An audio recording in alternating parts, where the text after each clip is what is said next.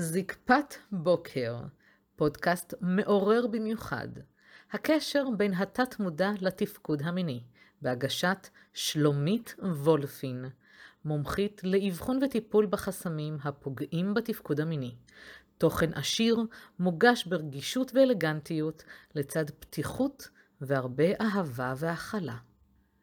בפרק הזה אני מתייחסת לקשר בין מודל ההורים, לבית שגדלנו בו, לבין הבעיות בתפקוד המיני. כן, כן, לחלוטין נמצא שיש קשר. זה לא אומר בהכרח שמודל ההורים קשור אך ורק לבעיות בתפקוד המיני שלנו, אבל אתם תבינו במהלך ההסבר שלי בפרק על מה אני מדברת.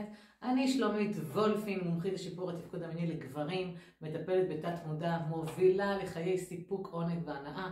ואת הפרק הזה אני מקדישה בעקבות דברים שעלו וצפו כאן בקליניקה בין מטופלים שבעצם הביאו את המקום הכי רגיש והכי כואב שלהם לגבי התפקוד המיני, ובחלק מהמקרים הבנו בצורה זו או אחרת, כמה שזה יכול להישמע מוזר, הזוי, מפתיע וכדומה, שיש קשר בין מודל ההורים, בין הבית שבו גדלנו, לבין התפקוד המיני. אז הכל בפרק הזה. אז מה שאני רוצה בעצם לדבר איתכם בפרק הזה, זה לתת ממש נגיעות להבין, אה, קודם כל שאנחנו נתרגם לעצמנו, נאבחן לעצמנו באיזה בית גדלנו. מה ההורים, אה, מה דעתם, מה החינוך, האם באנו מבית דתי, חילוני, חרדי, האם באנו ממקום שהוא מאוד ליברלי ופתוח, האם גרנו במקום שבו חס מלהזכיר את המילה סקס או מיניות, האם באנו ממקום שהסבירו לנו בקטנה אה, לגבי אה, מיניות ויחסי מין, האם באנו ממקום שבו היו הפחדות או הרתעות מלקיים יחסי מין. וזה נכון גם לבנים וגם לבנות. זאת אומרת, יכול להיות שאתה אה, גבר שגדל אה, בין אחיות, אוקיי? גדלת בתור ילד, נער, מתבגר, בין אחיות, וכל מה ששמעת בבית היה את השיח הזה של תיזהרו, בנים הם רעים, בנים רוצים להכניס אתכם להיריון, רק רוצים להיכנס לכם, סליחה, לא להיריון, רק רוצים להיכנס לכם בין הרגליים, הבנים רוצים לתת לכם אה, תשומת לב וחיזור כדי שהם יוכלו אה, לעשות איתכם, אה, לקיים איתכם יחסי מין, אה, תיזהרו ממחלות, תשתמשו בקונדום, אל תעשו סקס לפני החתונה ועוד ועוד ועוד ועוד. אני מדברת על, לא רק על, על הדורות של הגיל שלי, גם קודמיי וגם אחריי, אני עדיין שומעת את המקום הזה, באים חבר'ה צעירים בני 20, 25, 27 אליי לטיפול, מבית שלמרות שכבר אנחנו בקדמה ומודרניזם, שבכל מה שקשור למיניות ופתיחות, עדיין יש איזה מחשבות מעכבות ואיזה שהן דעות וסטיגמות לגבי הדברים האלה שזה מלווה אותנו. אז בואו קצת נשבור את כל הדברים האלה ונבין מה הקשר ו- ואיך אפשר לפתור את זה. קודם כל איך לזהות את זה ואיך אפשר לפתור את זה. אז אם אנחנו באים מבית שהוא דתי, או חרדי. אז יש מן הסתם בבתים האלה אה, את האמונה שבעצם אני, אני נזהרת, בואו, אני, אני אסייג. יש בתים דתיים אה, חרדים ואפילו חילונים, מסורתיים, אוקיי? שאומרים, אה, אל תקיימו יחסי מין לפני חתונה. עכשיו, במגזר הדתי והחילוני זה עומס רגשי מטורף, זו אחריות מטורפת, במיוחד כשאין הנחיות. יש מקומות שיש הדרכות קלה והדרכות חתן, אבל תכלס כשבאים לשטח, בליל הכלולות או בלילות הראשונים שאחרי זה, אין לנו מושג בגרוש מה לעשות עם הדבר הזה. אנחנו לא יודעים לתקשר את זה. לרוב מהלחץ, לרוב מה שקורה זה שגברים מהמגזרים האלו חווים שפיכה מהירה וחרדות. חרדות איומות לגבי הדבר הזה. עכשיו, זו, זו הכללה, אוקיי? אני לא אומרת שזה נכון לכל אחד. אני אומרת מה אני פוגשת מהמקום שלי כמטפלת. אם אנחנו הולכים למגזר המסורתי, אז יש באמת את המקומות הבתים שאומרים תתאפקו עד החתונה. ברור לאנשים ברקע שאנשים אה, בעצם אה, מתערבבים ומתגופפים ועושים כל מיני דברים מלבד החדירה, או שלא תהיה חס וחלילה אה, סכנה להכניס להיריון, אבל כן מקיימים יחסים אנאליים למשל, אה, זה ידוע במגזרים האלה. אה, ויש את המקומות, גם החילוניים, שעדיין יש איזו הרתעה והפחדה. לא רק בקטע של אה, אל תשפוך זרעך לשווא, או רק עם האישה שאתה תהיה תקיים יחסי מין ואחרי החתונה, שתהיה ברית, או אלא באמת במקום הזה של לשמור את עצמך, שיש משהו מאוד נקי וטהור בעניין הביטולים, בקטע של שלא ינצלו. יש הרבה דברים, כל אחד אני מאמינה שיזהה את זה מהבית שלו. אבל המקום הזה עם הזמן יכול מאוד להשליך על התפקוד המיני. כלומר, אם באנו ממקום שחווינו את האיסורים האלה ואת האמרות האלה של מתחתנים, הם מקיימים יחסי מין רק אחרי החתונה. זה לחץ, למה? כי אנחנו מספיק ערים למה שקורה בחוץ, ואנחנו יודעים שלפעמים דברים נופלים על זה, ומביאים למשברים במערכות יחסים ובנישואים. ומהמקום הזה אנשים הם בלחץ כזה, רגע, אני רוצה לחוות, אולי האישה הזאת לא מינית, אולי האישה הזאת לא תעשה את מה שאני רוצה, אולי אנחנו לא נקיים יחסי מין כמו שתמיד חלמתי ופינטזתי, אולי צפיתי, אוקיי? אז יכול להיות שיהיה משבר במקום הזה. אז כל ההפחדות האלה מהבית לחלוטין יכולות להשליך על חדר המיטות במקום הזה, ויותר מזה, יכולות להשליך בעניין התפקוד של קטע של החרדה. אימא'לה, איזה לחץ, איזו אחריות יש עליי, מה עושים עם הדבר הזה? מה עושים עם הדבר הזה? אוקיי? אה, אז, אז יש קשר בין הדברים. יכול להיות שבאתם מבית שבו היה שיח על מין, אבל מאוד בקטנה, ובעצם, בואו, בואו נשים את הדברים על השולחן, אין לנו חינוך מיני, אוקיי? ההורים שלנו לא ממש יושבים ומסבירים לנו. אה, יש כאלה שהם יותר פתוחים וליברליים, ויש ספרות היום מאוד יפה שמסבירים לילדים איך אה, אה, באים תינוקות לעולם וכדומה, אבל לא ממש מסבירים לנו איך לגשת, איך לענג, מה זה אומר לספק, מה זה אומר לדעת ולהכיר את האיברים המיניים של האישה, ואגב גם שלנו, שלכם, מה, מה עושים עם הדבר הזה?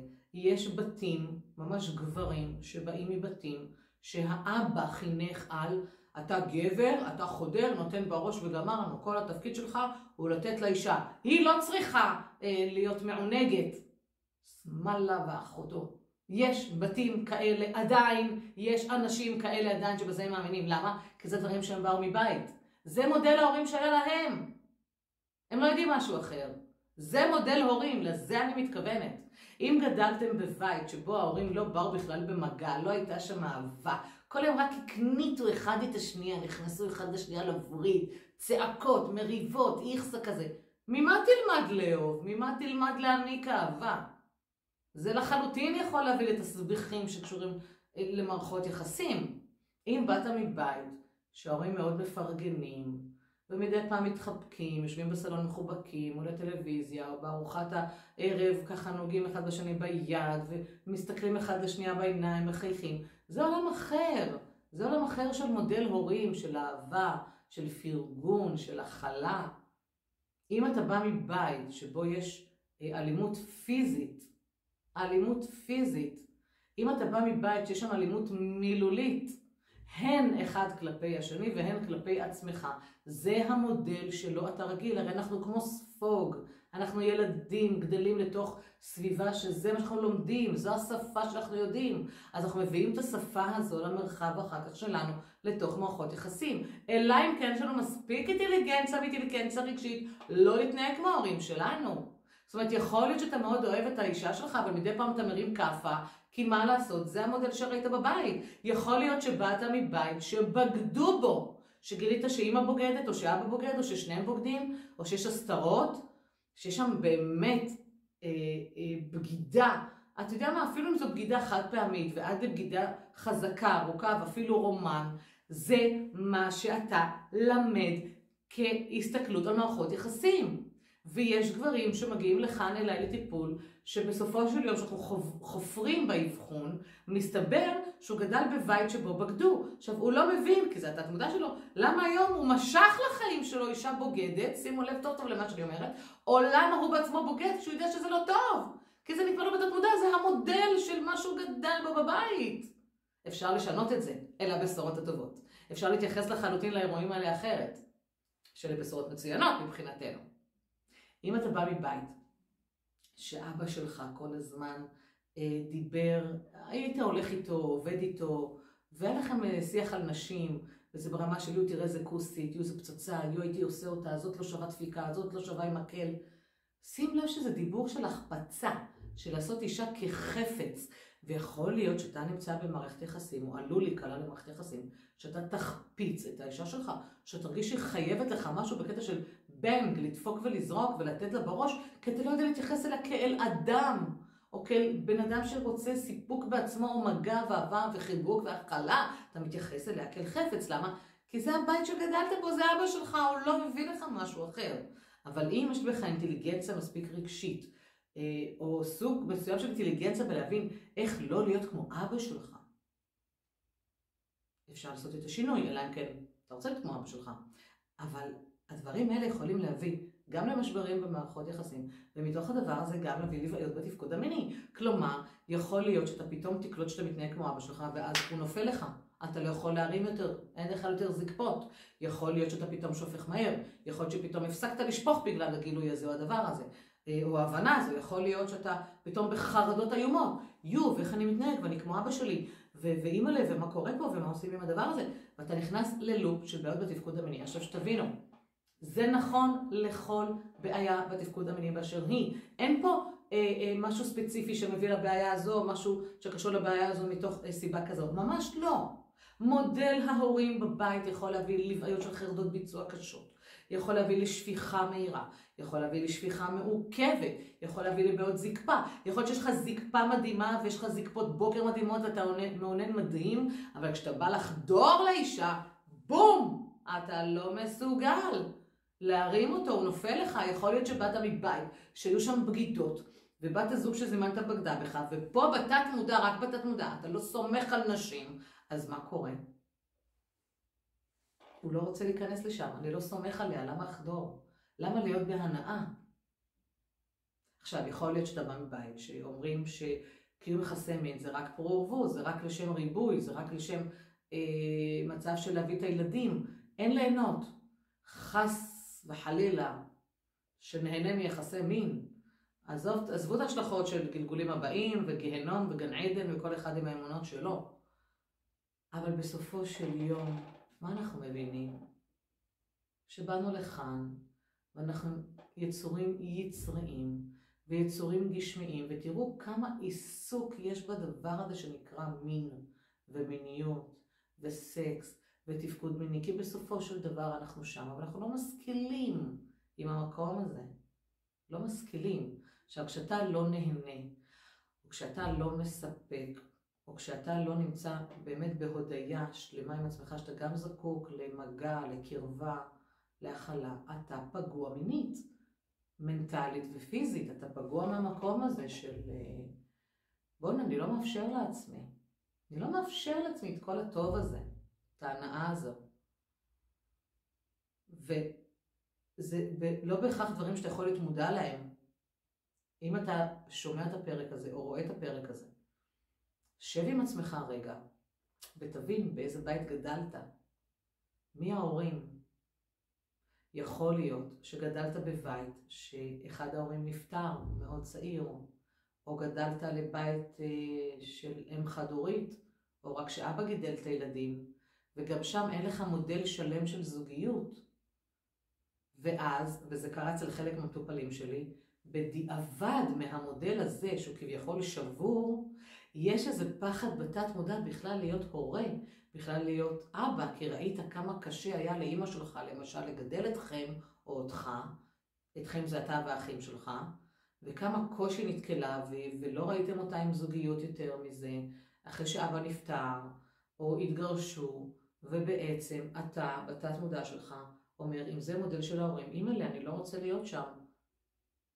אני פוחד להיות לבד, או אני פוחד שיקרה מצב שאני אעזוב את בת הזוג שלי ותצטרך לגדל את הילדים לבד, אני פוחד להיות אבא, כי איזו אחריות זה, ואם אני עלול לרשת את המחלה של אבא שלי, ואני עלול למות כמוהו, שאז אגב זה קורה גם, במיוחד אנשים ש, שקיבלו התקף לב בגיל צעיר, אז הבנים שלהם בפחד שיגיע, בפחד שיגיע הגיל הזה, והם ידמו את זה, אז, אז למה מראש להקים משפחה ולגרום לצער הזה? תראו כמה דברים יושבים על הדבר הזה. אז קודם כל לזהות מה מודל ההורים. לזהות, זה חלק, זה שלב אקוטי. זה שלב אקוטי. מי שבאים אליי לטיפול פרונטלי או לטיפול דרך הדיגיטל, הדבר הראשון זה להבין באבחון באיזה סביבה גדלנו ומה ההורים האלה, מה המודל. עכשיו, לא בהכרח שיהיו לזה השפעות בתפקוד המיני, אני מדברת על אלה שכן. להבין האם ההורים התגרשו, ובאיזה שלב בחיים שלך, כילד, כנער, כמתבגר. מה ראית בבית, איך ההורים התייחסו אחד לשני, ברמה של אה, האם הם התייחסו אחד לשני בזלזול, האם בהאשמות, האם שם, הייתה שם קורבנות מסוימת. ועכשיו תסתכל על החיים שלך. האם אתה חי באשמה? האם אתה חי בקורבנות מסוימת? לפי המחקרים המדעיים הקשורים בפסיכואנליזה, יש השלכה ברורה של מודל ההורים עלינו. חלק מהם, אני קוראת לזה בצורה הכי, זה דור דופק דור, זה ברמה שאנחנו כדור מתקדם לא עשינו את השינוי. לא הצלחנו לתרגם מה שם לא נראה לנו בסדר והמשכנו את זה. ולכן אנחנו בוחרים לחיים שלנו בני זוג שמאוד דומים למודל ההורים. זה מתוך התת מודע, זה מתוך תדרים אנרגטיים שאנחנו לא מודעים להם. ולכן אנשים מתגרשים על הדברים האלה. נפרדים, לא מצליחים במערכות יחסים, או פוחדים בכלל להיכנס למקומות האלה. זה הכל בתת מודע. יכול להיות מצב שבו אנחנו מבינים את זה, כבר יודעים מה קורה שם, אבל לא יודעים איך לטפל בזה. אוקיי, אז הבנתי איך אמא שלי מתנהגת לאבא שלי, הבנתי איך אבא שלי מתנהג לאמא שלי, הבנתי שאין שם ככה וככה, אני לא רוצה את הדברים האלה, אבל איך אני עושה את זה? ופה בדיוק אני נכנסת לתמונה. כשאנחנו מאבחנים את זה ויודעים על מה זה יושב, באמצעות טכניקות מאוד מאוד ברורות ומדויקות שעובדות עם התת מודע, אנחנו מנקים את הדבר הזה. מנקים את כל המשקעים, התחושות, הרגשות שקשורים במודל ההורים. זה לא אומר שאנחנו נשכח מההורים שלנו, או לא נזכור את מה שקורה, אה, שקרה בבית, או לא אה, נתייחס למה שהיה כמודל הורים, אלא אנחנו נגיב רגשית אחרת, ובעקבות כך פיזית אחרת. כלומר, ברגע שיוצרים איזו סביבה של שלום עם ההבנה של מה שהיה בבית, ולהיות בסליחה ולהיות באהבה, הגוף, כשהוא משחרר את האנרגיות התקועות האלה מהתת מודע, הגוף בעצם מחדש את עצמו, ובעצם מביא תובנה אחרת, שבעקבות זה מה שנוצר בגוף זה הרמוניה ואיזון. ומההרמוניה והאיזון הזה אנחנו מגיעים לתפקוד תקין. ומה שקורה פה בקליניקה זה שגברים ששברו את מודל ההורים וטיפלו בו, פתאום חזרו להם זקפות הבוקר, פתאום אין להם את החרדה הזו של לחדור לאישה, הוא לא נופל בזמן החדירה, אין להם את הפחד הזה, את החרדות ביצוע האלה שבכלל להגיע, ואחריות ולספק ומה יגידו, אין, אין. זה מתנקה, זה מה שיפה. עכשיו, עוד יתרונות שעובדים עם התת מודע, זה שכבר עשינו את השינוי ועשינו את ההטמעה כבר למצב שאנחנו רוצים לחיות בו, אנחנו גם מזמנים למרחב שלנו אה, מין בטוח, מין נכון, כיף, הנאה. אנחנו גם יכולים לזמן זוגיות נכונה. כן, יש אנשים שהם לפני זוגיות, אז הם פתאום מוצאים את הכיוון הנכון, ושולחים לי הודעות. מצאתי לי זוגיות מדהימה, לא האמנתי שיש דברים כאלה, זה תענוג. יש מי שבתוך הדבר הזה אפילו מחליטים להיפרד ולהפסיק את המערכת הזוגית הזו. אין בזה רע. עכשיו, אני לא אומרת טוב או לא טוב, שופטת, כן, נכון, לא. ממש לא, אני אומרת שכל אחד יעשה מה שטוב לו. אם כל כך רע לכם במערכת זוגית, אפשר להגיד ביי ביי בצורה שהיא מאוד נעימה, שהיא טובה לשני הצדדים, ולך לחיות את החיים שלך. ולא להיות, ממש, לא לנבול לתוך הדבר הזה ולמות בגיל 80-90 ולהצטער אחר כך שלא עשית את הדבר הזה. נכון שיש עוד השלכות, ויש לזה, אני יודעת, אני יודעת, אני לא זה, אני יודעת. אבל אני אומרת שזה יכול להוביל, יכול להיות שבמודעות שלך אתה תביא גם את בת הזוג למודעות שלה, ואתם תעשו תהליך זוגי מדהים שיביא אתכם למקומות יותר טובים. יכול להיות שהיא תבין שגם היא חיקוי של מודל ההורים שלה. יכול להיות שהיא באה מבית שהאימא כל הזמן נפנפה את האבא, לא רוצה, לא רוצה תירוצים תירוצים, וזה מה שהיא מחכה. מחכה בקוף, כן, חיקוי. כי זה הספוג שהיא הייתה, זה הבית שהיא גדלה בו. שרוצים לעשות סקס, יש תירוצים, נמנעים, אולי זה לא כיף, אולי סובלת. זה בתת מודע. אז מה שאני אומרת זה שמודל ההורים הוא לחלוטין גורם, אחד הגורמים הברורים לאיך אנחנו מתנהגים בזוגיות ואיך אנחנו מביאים את חיי המין שלנו לידי ביטוי. מודל ההורים על כל גווניו יכול באבחון מדויק להיות אחד הגורמים לבעיות בתפקוד המיני באשר הן. וזה לא משנה בין כמה אתה, אתה יכול להיות בין 20, 27, 30, 40, 50, 60 ואפילו 70. אפילו שיש לי פה חבר'ה יותר מבוגרים מ-70. שהם פותחים את זה, באיזה בית גדלנו, וכל ההפחדות שהיו שם, ההרתעות, או, או המכות, או המשפטים שנאמרו, או להפך ההתעלמות והשתיקה המוחלטת, משפיעים. ויש קשר בין הדברים, אפשר למצוא את זה, והבשורות הכי טובות זה שאפשר לפתור את זה. אז אני שלומית וולפין, ואני מזמינה אותך לבדוק עם עצמך. מה הקשר בין מודל ההורים לעניין שלך? לבדוק קודם כל מה המודל של ההורים שגדלת. אם אתה חווה בעיות בתפקוד המיני ואתה אומר, שלומית, אבל תקשיבי, הבית שגדלתי בו הוא מדהים. ההורים שלי היו ככה והיו ככה והיו ככה, אני לא שוללת. יכול להיות שהבעיה התפקודית נובעת ממשהו אחר. אבל יכול להיות שגם הייתה שם הצגה, והיו שם הרבה מסכות ואתה לא יודע את זה. וזה בתת מודע, ויכול להיות שיש דברים שאתה רצית לראות, או בחרת לראות, ובחרת להתעלם מדברים אחרים שקשורים למודל ההורים שלך, וגם את זה אפשר לאבחן. עכשיו זה יכול להיות משהו מאוד מאוד מאוד מאוד אקוטי, שלמשל אחד ההורים בגד ואתה עשית לזה מין הדחקה טוטאלית, ויכול להיות משהו נורא דבילי, שמספיק שאבא העיר איזו הערה עוקצנית או מבדחת לאימא וזה נחרט לך בתת מודע, הכל יכול להיות, אבל עד שלא נאבחן אנחנו לא נדע. אז אני מזמינה אותך, אם טרם הגעת אליי וטרם טרם פתרת את האתגר בתפקוד המיני שלך, פנה אליי, דבר איתי, שיחת ייעוצי ללא עלות. אנחנו נבין על מה הדברים יושבים, לראות בכלל אם אני הכתובת לטיפול ולשינוי, ומשם אנחנו נוכל להתקדם. אני מאחלת לך שאתה תהיה מודל טוב ובריא, ותזכה ליחסי מין טובים, בריאים ומספקים. נתראה בפרק הבא, תודה.